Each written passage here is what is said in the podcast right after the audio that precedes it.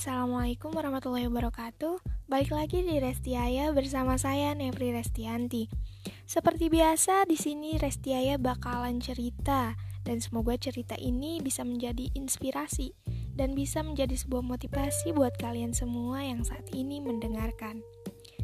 Kali ini aku bakalan sedikit membahas tentang sabar dan bersabarlah. Sebelum ke pembahasan, aku bakalan kasih motivasi sesuai profil podcastku, yaitu jangan patah. Ya, apa pun masalah kalian saat ini, bagaimanapun kondisi kalian sekarang, tolong jangan patah. Patah semangat, patah hati, apalagi sampai patah tulang. Hmm, jangan ya. Langsung aja ke pembahasan sabar. Apa sih sabar?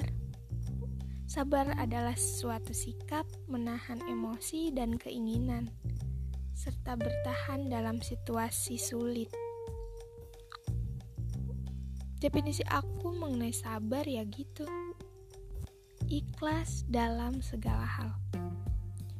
Karena menurut aku pribadi, gini ya, kalau misalkan kita ikhlas, sabar itu sudah sepaket sebenarnya tanpa kalian sadari.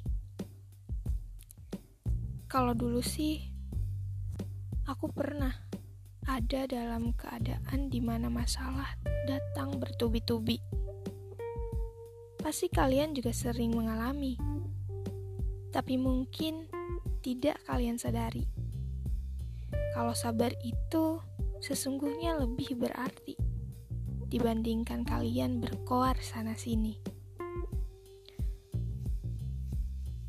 Dulu aku pernah ngerasain yang namanya tidak dihargai. Hanya karena aku adalah anak dari seorang petani. Iya, kalau membahas tani dan pertanian, mungkin luas sekali. Tapi aku punya pembelajaran di sini bahwa tidak ada yang salah dalam hal ini dan terbukti banyak orang lahir di keluarga yang layak sekali, tapi tak mampu sebahagia ini. Hmm. Dulu aku juga pernah ada dalam keadaan di mana aku tidak bisa berkata apa-apa tentang ibuku yang menangis karena cacian dari tetangga. Rasanya ingin sekali aku bisa membela tapi sekali lagi, sabar memang jalannya. Sebenarnya ada tiga bentuk sabar. Pertama, sabar dalam ketaatan.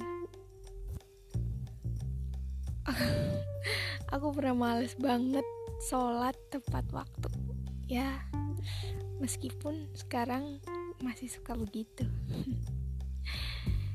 Sabar dalam ketaatan di sini bisa dalam menjalankan sholat tepat waktu, menjaga hati dan pikiran saat berpuasa, dan sabar dalam menuntut ilmu. Bentuk sabar yang kedua yaitu sabar dalam musibah. Percaya deh, Allah tidak akan menguji hambanya di luar batas kemampuannya. Ya, mungkin sulit, tapi ayo sama-sama kita jalani. Dan terakhir, sabar dalam kemaksiatan. Segala bentuk maksiat itu memang menyenangkan. Dan kalian juga pasti pernah merasakan. Tapi kita harus terus berusaha untuk menjaga dan menahan diri kita dari segala sesuatu yang dilarang.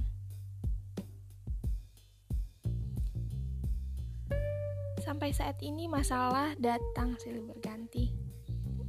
Ya, saran dari aku sih sabar aja. Oh iya, jangan lupa sholatlah kalian. Sholat ya. Karena dengan sholat itu ngebantu banget sih sebenarnya.